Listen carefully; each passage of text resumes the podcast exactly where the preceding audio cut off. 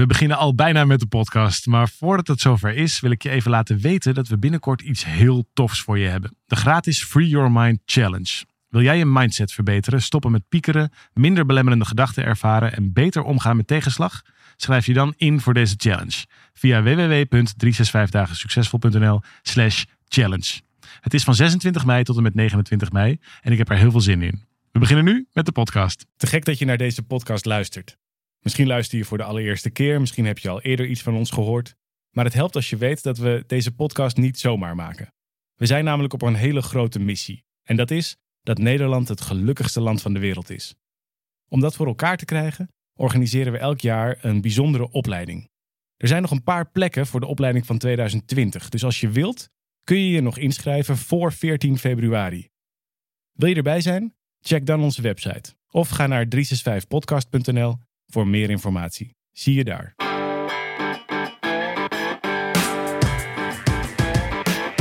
Van harte welkom bij deze podcast van 365 Dagen Succesvol. Wij zijn David en Arjan en we delen in deze podcast de eye-openers die cruciaal zijn voor een gelukkiger leven. Leuk dat je weer luistert. Tegenover mij staat David, ik ben Arjan en we hebben het, zoals je inmiddels van ons gewend bent, elke week met elkaar over de dingen die het leven leuk en interessant maken. Misschien heb je er nog wat aan. En voordat je verder luistert, voordat ik je wil introduceren waar we het deze keer over gaan hebben, als je nou enthousiast bent over deze podcast, deel hem ook vooral. Deel hem op, uh, op social media, mail hem naar mensen die er misschien wat aan hebben. Want wie weet zit er zomaar een advies of een uh, eye-opener in waar andere mensen heel blij mee zijn en op hebben zitten wachten. En dan heb jij ze die zomaar bezorgd. Zo makkelijk kan het zijn. Dus voel je vooral vrij om dat te doen. Daarmee help je ons weer richting onze missie om van Nederland het gelukkigste land van de wereld te maken. Waar gaan we het over hebben, Duif? Nou, als je naar de actualiteit kijkt, en dat is wel iets meer dan alleen maar de dagelijkse actualiteit, maar ik hoor en lees steeds meer mensen die het hebben over: moet je nou wel de hele tijd zo gelukkig willen zijn? Ja. Is, het, is het wel, is de focus op geluk nou wel zo gelukmakend? En ik denk dat dat een zinvolle vraag is. Het is een beetje app en vloed. Hè? Het is een lange tijd is er helemaal geen aandacht voor dat onderwerp geweest. Ook misschien omdat het een vrij uh, luxueus onderwerp is. Hè? Je moet heel veel dingen voor elkaar hebben om het daarover te kunnen hebben. Nou, ontstond op een gegeven moment ruimte in onze maatschappij om het daarover te gaan hebben. Geluk werd iets wat we gingen meten met elkaar. Werkgevers gingen het belangrijk maken. Er kwamen opeens allerlei mensen die daar workshops over gingen geven. Nou, wij zijn er ook onderdeel van geweest, van die beweging. En nu ontstaat een soort tegenbeweging. Van, ja, dat door, zelfs de koning zei het nog in zijn kerstding. Dat doorgeslagen geluk nastreven, dat maakt ons eigenlijk allemaal juist weer ongelukkig. Ja, en dan moet je het wel even goed onderscheiden wat ze dan bedoelen met geluk. Ik denk dat de koning het met name had over het oppervlakkige geluk. Dus het doen laten lijken van Instagram geluk. geluk. Ja, het Instagram geluk. Dat was niet letterlijk wat hij zei volgens mij. Maar wel, zo heb ik het in ieder geval geïnterpreteerd. Van op het moment dat het een gelukkige buitenkant moet hebben dan kun je achter die façade, achter die voorkant enorm verpieteren. Ja. En dat heeft dus niets met geluk te maken. In ieder geval niet in onze definitie van geluk. Nee. Maar er zijn nog wel een paar anderen ook die daar al een interessante analyse over hebben. Dat het, het zeg maar doelmatig bezig zijn met geluk eigenlijk iets veroorzaakt. Namelijk dat je op dit moment helemaal niet gelukkig bent. Dus het maakt de situatie als zodanig als je het zo zou zo bekijken, maakt het erger. Ja, een paar van die Vlaamse psychiaters zijn daar natuurlijk de laatste tijd veel meer in de media, ook met boeken die ze daarover schrijven over dat als de standaard wordt om alleen maar gelukkig te zijn. En dat, dat daarmee wordt ontkend dat er een belangrijk deel van het mens zijn ook zit juist in tegenslag en in ongeluk, in uh, gepieker of in uh, zorgen. Nou, dat veronderstelt dat het er niet mag zijn. En dat het allemaal gladgestreken moet zijn. Dus dat op het moment dat je een tegenslag hebt of op het moment dat het gewoon even niet zo lekker gaat, ja. dat dat dan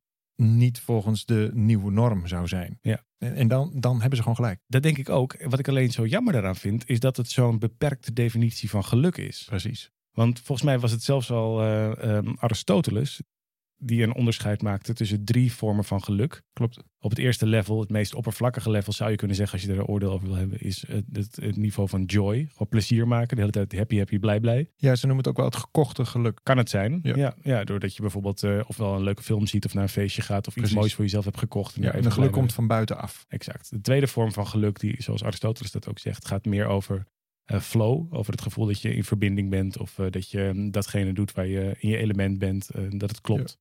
Later heeft Martin Seligman, dat ook zo'n bekende positief psycholoog, daar nog zijn eigen model van gemaakt.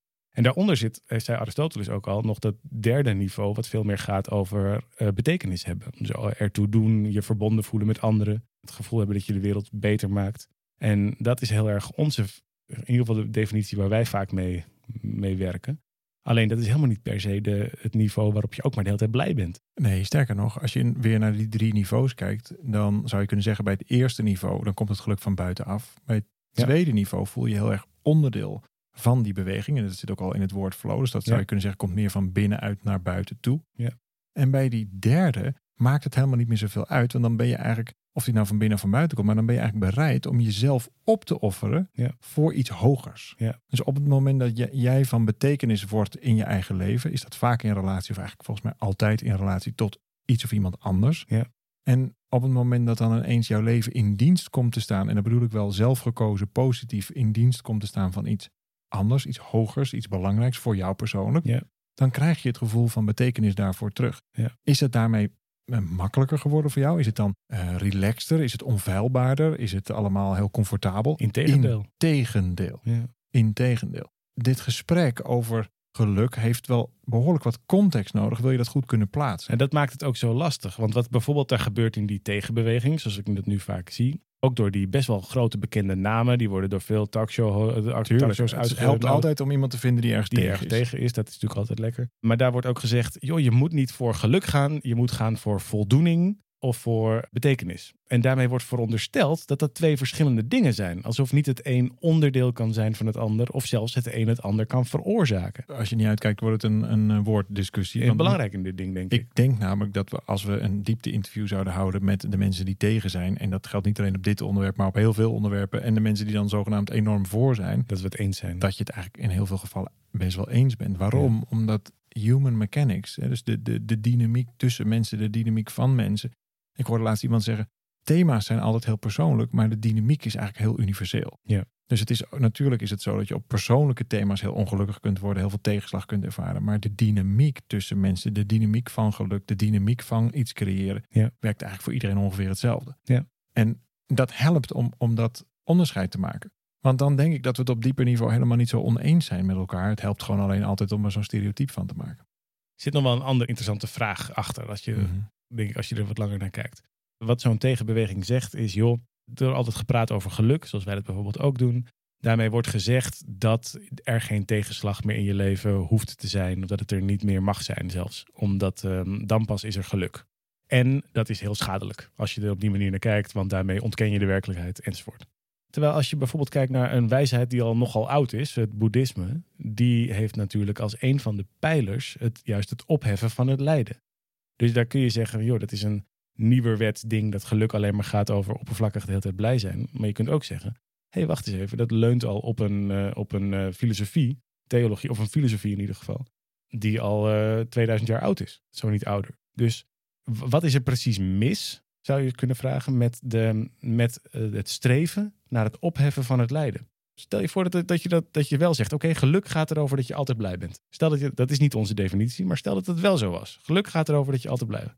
Hoe kun je daar nou tegen zijn? Nou, ik denk ook hier weer dat in datzelfde diepte-interview helemaal niet zal blijken dat men daar dan heel erg tegen is. Maar wel in het effect wat dat kan sorteren voor andere mensen. Dus als de norm wordt, je moet maar de hele tijd blij zijn, is jouw realistische leven Opeens slecht. Ja, ja, is ineens zo mi- minder fleurig geworden. Ja. Kijk, er zijn natuurlijk heel veel mensen met heel veel gedoe. Ja. En ik denk dat het helpt om een aantal basisvaardigheden te leren, waardoor gedoe een andere betekenis krijgt, waardoor je daarmee leert omgaan. En dat, relativeren. nou ja, dat zijn in ieder geval de vaardigheden die wij ook graag bijbrengen en Ja. ook hebben geleerd in het leven. En het heeft voor ons en voor de mensen die dat met ons leren enorm heilzame effecten. Ja. Dus we hebben inmiddels meer dan bewezen dat dat werkt. Ja. De keerzijde is dat op het moment dat het de norm wordt, dus het is iets anders dan als een soort drijfveer om, Mhm. zoals vanuit het boeddhisme bijvoorbeeld, het lijden op te heffen. Of zoals wij zeggen van hè, Nederland het gelukkigste land.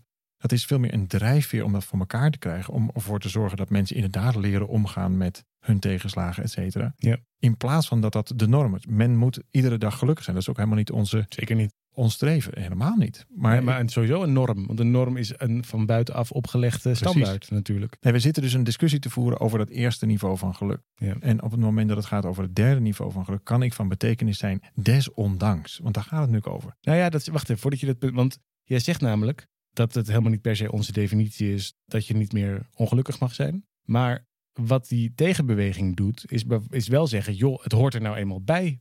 Pech, ellende, gedoe. Dat is ook een norm. Dus daarmee zeggen ze eigenlijk: joh, stel je niet zo aan of maak je niet zo druk. Want uh, de, ja, het, is nou, het leven is nou eenmaal lijden. Dat hoort erbij. En daarmee wordt het in ieder geval niet beter. Dan kunnen we ophouden met allerlei onderzoek naar geluk, want ja, het is, hoort er nou eenmaal bij. Er is een vrij grote stroming die ervan uitgaat dat we maar betrekkelijk weinig invloed hebben. Ja. En dat je het leven maar beter kunt accepteren met al het gedoe en geploeter en toestanden erbij. Ja. Dat is op zich helemaal niet zo'n heel negatief vertrekpunt. Want op het moment dat je dat leert accepteren, ben je al, hè, want dat zit namelijk in het accepteren, al een stuk gelukkiger. Heel licht is Want dan ben je niet aan het vechten met de omstandigheid, maar ben je met die omstandigheid, hoe verdrietig of vervelend die ook maar is. Ja. Overigens kun je dat gewoon leren, dat is een van die vaardigheden. En Zeker. ben je automatisch alweer met geluk bezig. Daarom zei ik al, op het diepste niveau doen we precies hetzelfde. Ja. Maar op het moment dat. Er schieten nu allerlei eh, verschillende gedachten door mijn hoofd.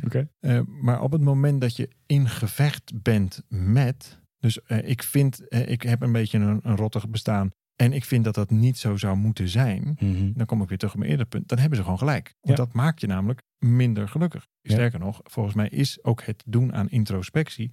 Het voortdurend kijken naar jezelf waar de verbeterpunten zitten.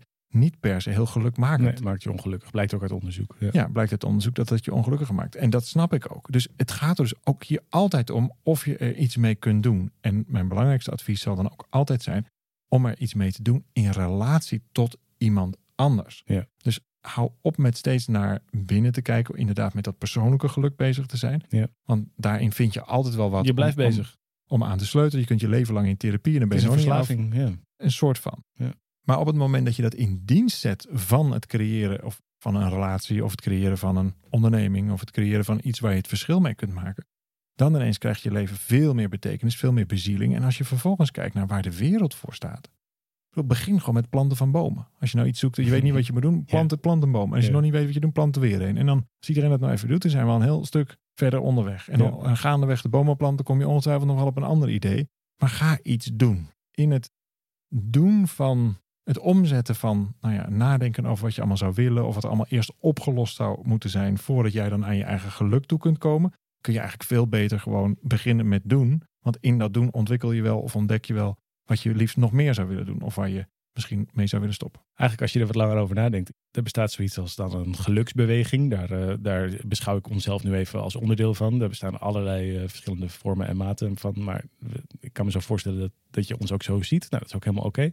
En je zou kunnen zeggen, die geluksbeweging streeft naar vergroting van menselijk geluk. Vervolgens is er dan nu een tegenbeweging die zegt, hey ho, wacht eens even, door die focus op geluk worden we eigenlijk ongelukkig. En dat is onverstandig, want we zouden eigenlijk moeten streven naar geluk. Dus als je het zo bekijkt, is opeens die tegenbeweging is helemaal geen tegenbeweging, maar is juist onderdeel van dezelfde beweging, laten we het menselijk geluk vergroten, alleen volgens een iets andere route. Volgens een route die wat minder gaat over meteen per se eh, je vergelijken met anderen of eh, allerlei dingen in je eigen leven per se geforceerd voor elkaar proberen te krijgen. Maar juist ook veel beter meesurfen met wat er nou eenmaal op je pad komt in je leven. En in dat opzicht denk ik, hé hey, wacht eens even, dan zouden we ze zo als gastspreker kunnen uitnodigen in onze opleiding. Want dat past eigenlijk heel goed bij wat we toch Toch, dat is sowieso een heel goed idee. Het is volgens mij heel goed om altijd het andere geluid te We laten zijn eigenlijk eens met onze tegenbeweging. Nou, maar zelfs als dat niet zo is, dat is nog verder prima. Maar wat ik wel interessant vind, en dat is een vraag die je jezelf als luisteraar kunt stellen, is bij welke beweging, ja, dat zijn, zijn maatschappelijke trends zou je ook kunnen zeggen. Dus er zijn bepaalde maatschappelijke trends, bepaalde fenomenen die ja, zich aandienen in een Ja. bepaald tijdsgevricht. En dan, dan kun je kiezen. En, en je kunt kiezen om er zelf een te creëren. Je kunt kiezen om er zelf onderdeel van te zijn. En, en dan zou ik persoonlijk altijd kiezen voor de positieve variant. Ja. Er, is, er is altijd een positieve variant. Soms heel klein, soms heel ontspruitend. Soms moet je enorm zoeken. Soms heb je hem zelf te zijn. Ja. En er is ook altijd een tegenbeweging. Daar is niks tegen te doen. Nee. Zo, zo- zodra jij linksaf gaat, is er altijd iemand die dus rechtsaf gaat. Ja. En dat is helemaal niet erg. Alleen je kunt daar wel altijd in kiezen. En ik persoonlijk zou altijd gaan voor daar waar het leuk is. Dus met alle respect, maar mopperende psychiaters, waar die eigenlijk allemaal roepen dat het maar bij het oude moet blijven. Daar zou ik me niet zo snel bij aansluiten. Maar ja, ook die vinden natuurlijk ergens gehoor. Want ja, ze krijgen in ieder geval veel podium. Nou, wat kan helpen dan, denk ik, als je toch zo'n beweging kiest, is dat niet eens zozeer te doen vanuit hoe het nu is, maar vooral bij waar je graag over vijf jaar bijvoorbeeld, of over tien jaar onderdeel van geweest zou willen zijn. En dan, ehm, ik bedoel, ik ben best wel actief op sociale media. Ik kijk vaak op Facebook of op Twitter en dan eh, vind ik soms ook nog wel dingen van. Maar ik heb met mezelf een soort afspraak dat ik alleen maar me uitspreek over dingen waar ik enthousiast over ben. En niet eh, over de dingen waar ik niet enthousiast over ben. Dus die negeer ik als het ware. Die zal ik nooit delen met erbij te zeggen, wat is dit stom. En waarom doe je dat dan? Ja, daar zit ik nog wel eens met mezelf over in conflict. Want het is ook een beetje... Kijk, ik kies er nu voor... Ik geloof dat alles wat je aandacht geeft groeit. Dus ik kies ervoor om het positieve aandacht te geven. Dat ook te delen. Want dan zie je er meer van. Dan zie je er meer van. Mhm. En, uh, en mijn uitgangspunt is als iedereen dat doet. En de dingen die juist negatief zijn, lelijke dingen over andere mensen of kwaadaardige boodschappen, die, als we die maar negeren, in plaats van de hele tijd te zeggen, oh moet je kijken, wat is dat lelijk, dan wordt het op een gegeven moment minder. Nou ja, en er zit trouwens nog wel één Maar dat interessant... is ook, ja, sorry, maar dat is ook Mhm. een beetje geprivilegeerd. Ja, het is, nou ja, ik, ik kan dat zeggen omdat ik er zelf persoonlijk in mijn leven geen last van heb. Dus moet je je voorstellen dat ik, snap je, dat is een beetje... Soms is het wel nodig om terug te vechten of zo. Soms moet je ook zeggen dat iets niet klopt. Zeker, natuurlijk. Op het moment dat er een maatschappelijke beweging aan, aan de gang is, wa- wat gewoon schade aanricht en wat echt niet goed is, dan moet Ja. je natuurlijk opstaan en in je, in je truth eh, spreken. Ja. Maar op het moment dat iets zo begint, hè, eh, eh, laten we een, een, een gek onderwerp noemen, een gek voorbeeld noemen. Eh, maar de, de, de Hutsefruts die, die, die dreigt uit te sterven. De Hutsefruts, dat, nee, is, dat is ontzettend erg. Ja. Dat, is, dat moeten we het kosten wat het kost voorkomen. Zeker. En de Hutsefruts dreigt uit te sterven om, omdat iedereen maar met zijn mobiele telefoon bezig is. En die Ja. krijgt eigenlijk te weinig aandacht. Even in het gekke voorbeeld. En wat gaan we dan doen? Dan gaan we een campagne daarop voeren. Of dan gaan daar mensen iets over zeggen. En daardoor krijgt dat veel meer aandacht. Ja. En vervolgens door jouw negatieve of positieve reactie erop krijgt dat nog meer aandacht. Want al die algoritmes die zorgen ervoor dat dat wat aandacht krijgt het meest gezien wordt. Niet Ja. dat wat positief is. Nee. Nou, we zijn eerder geneigd als mensen om dingen af te zeiken dan om er iets positiefs Ja, over te zeggen. Klopt. Dus wat wordt groter? Die aandacht op het feit dat. Ja. Nou, en dus sterft die Hutsefruts uit. Want dat wat Ja. slecht is, Ja. dat wat, wat oh, nou, anders gezegd, dat wat aandacht krijgt, en negatieve aandacht, dat werkte bij kinderen ook al zo, Mhm. is ook aandacht. Je Maar, leert, maar hey, dit heel helpt. concreet, want ik bedoel, de Hutse Fruits is natuurlijk een prachtig, Ja. prachtig ding. Enorm ernstig voorbeeld. maar maar oké, Australië staat in brand. Ja. Vind jij dan dat we dat zouden moeten delen met elkaar? Van, eh, bijvoorbeeld eh, inzamelingsacties, eh, financiële manier, manieren om dat beter te maken. Of om politieke bewegingen juist wat schop onder hun kont te geven. Of zeg je nee, we moeten gewoon het helemaal doodzwijgen. Oh nee, maar dit is, dit, nu snij een heel ander soort onderwerp aan. Ik vind op het moment dat er hulp nodig is, dan is alleen al het delen daarvan is al een vorm van hulp. Niet Ja. eens per se geld geven. Ik vind overigens als je in staat bent om geld te geven, geef dan gewoon geld. Het minste wat je kunt doen. Ja. En delen maakt ook vervolgens nog eens heel gelukkig. Dus als dan je deel je ook iets negatiefs, toch? Namelijk Nee, een het- bosbrand of een grote branden. Nee, maar daar maak je die brand niet meer erger. Maar op het moment dat jij bijvoorbeeld... Je ziet een, een, eh, iemand op Facebook, zie je iets... eh, die, die kondigt bijvoorbeeld aan dat hij een seminar gaat geven binnenkort. Ja. En daar vind jij iets van. Ja. Dat vind je raar dat het op Facebook is. En dan ga je zeggen, donder op van mijn tijdlijn. En dat soort dingen. Waarom zie ik dit zoveel? Ja, ja, Daarmee heb jij veroorzaakt dat het vaker te zien is. ja, ja, ja, ja. Dus je helpt iemand door een negatief commentaar eronder te zetten. Ja. En dit is, een, en dit is echt zo trouwens. Die algoritmes werken echt zo. Ja. Dus je kunt dat in dat geval beter gewoon niks doen. Ja. Maar het is nog veel erger. want Je geeft je tijd, je energie, je leven aan iets negatiefs. Dus dat is niet alleen negatief naar dat filmpje wat je toevallig hebt gezien. Ja. Maar ook, het kost jou ook energie. Nou, ik ga ervan uit, ik heb het al eerder hier gezegd, dat je 100 punten per dag te besteden hebt. Je hebt 100 energiepunten ja, als metafoor. als metafoor. Nou, dan heb je zojuist een energiepuntje weggegeven. Dat was van jou, had je ook iets anders mee kunnen doen. Dat heb je nu besteed aan nou, jouw zogenaamd zo belangrijke commentaar op dat iemand dan van jouw tijdlijn moet. Ja. Dat is denk ik een onhandige route. Dat zou ik niet doen. Maar we hebben net een hele podcast gewijd aan een, eh, aan een tegenbeweging tegen geluk. Waar we eigenlijk een beetje achter komen dat we het eigenlijk met elkaar eens zijn. Maar waar we in eerste instantie niet zo enthousiast over waren. Dat die tegenbeweging, omdat we dachten dat er een paar interne conflicten zaten in, dat, Mhm. eh, in die tegenbeweging. Hebben we eigenlijk ook gedaan. Dus we hebben nu ook een stuk van onze tijd en energie besteed aan iets waar we niet per se enthousiast over zijn. Nou, daar heb je, daar heb je me dan te pakken. nee, kijk, het is natuurlijk nooit verkeerd om je ergens in te verdiepen. Om daar een quasi filosofisch gesprek over te voeren. Ik bedoel, dat is natuurlijk altijd goed. Daar gaat het helemaal niet over. Nee. Maar op het moment dat je je blik werpt op het goede zien of het slechte zien. Ja. Hey, dat is, natuurlijk zit daar een balans in. En op het moment dat je daar een keer iets... Dat is ook helemaal niet verkeerd. Maar ik vind het wel een mooi idee. Ja, ik, ik onthoud mij op alle vormen van eh, de meeste dingen waar een stekker aan zit. Ja. Dus eh, kranten, nieuws, eh, social media, dat soort dingen. Dat vind ik echt zonde van mijn tijd en een bedoezeling voor mijn geest. Dus Mhm. dat is, dat is niet, niet prettig. Ik lees liever een boek of ik ben in de natuur. Ja. En omdat ik nou ook wel weet dat het wel helpt als je iets voor elkaar wil krijgen, ben ik best wel zichtbaar. Mensen verbazen zich er altijd over. Maar gelukkig hoef je niet alles zelf te doen Nee. op, op de sociale media. Eh, maar ik probeer dat tot een, tot een nul te reduceren. Mhm.